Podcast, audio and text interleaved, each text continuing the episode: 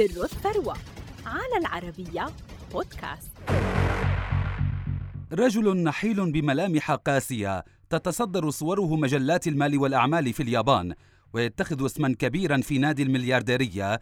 هذا الرجل السبعيني الذي يتربع على قائمة أغنى الأشخاص في بلده هو تاداشي ياني صاحب السبعة وثلاثين مليارا ونصف المليار دولار.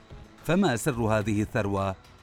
ولد تاداشي ياني في عام 1949 في محافظة ياماغوتشي اليابانية وفي بلدة أوبي التي اشتهرت بحرفة التعدين لكن والديه كانا يديران متجرا للملابس. لم يرغب تاداشي في الالتحاق بمشروع العائلة فدرس الاقتصاد والسياسة بالجامعة حيث وصف نفسه آنذاك بالشاب الكسول الذي لا يحب العمل ويمضي وقته في اللعب الماغونغ والباتشينكو.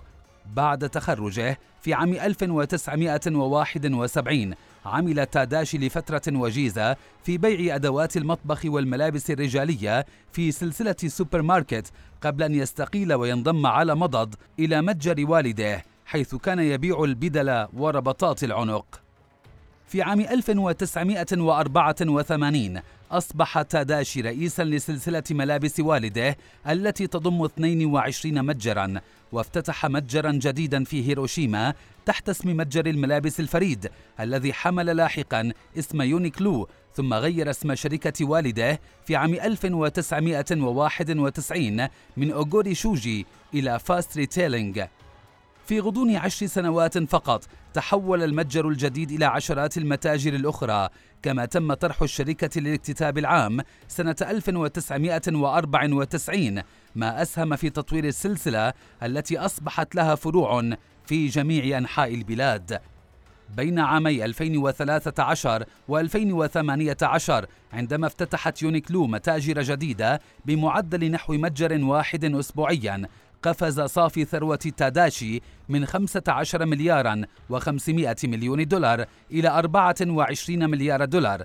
وفي عام 2018 تم إدراجه كواحدا من أكثر 500 شخص نفوذا في صناعة الأزياء من قبل The Business of Fashion نجح تاداشي أيضا في تنمية أعماله من خلال عمليات الاستحواذ على علامات تجارية أصغر مثل Comptoir des Cotonniers و Americans Theory وغيرها. كما استطاع أن يحول شركة Fast Retailing لإمبراطورية لبيع الملابس بالتجزئة لم تشمل فقط شركة Uniqlo بل وعلامات تجارية أخرى مثل Fast Retailing Theory و Helmut Lang و J Brand و GU في عام 2022 سجلت الشركة أرباحا صافية قدرها مليار و200 مليون دولار وإيرادات قدرها 17 مليار دولار للسنة المالية المنتهية لتدفع باسم تاداشي إلى تصدر قائمة الأغنياء في اليابان مع ثروة تقدر بنحو 37 مليارا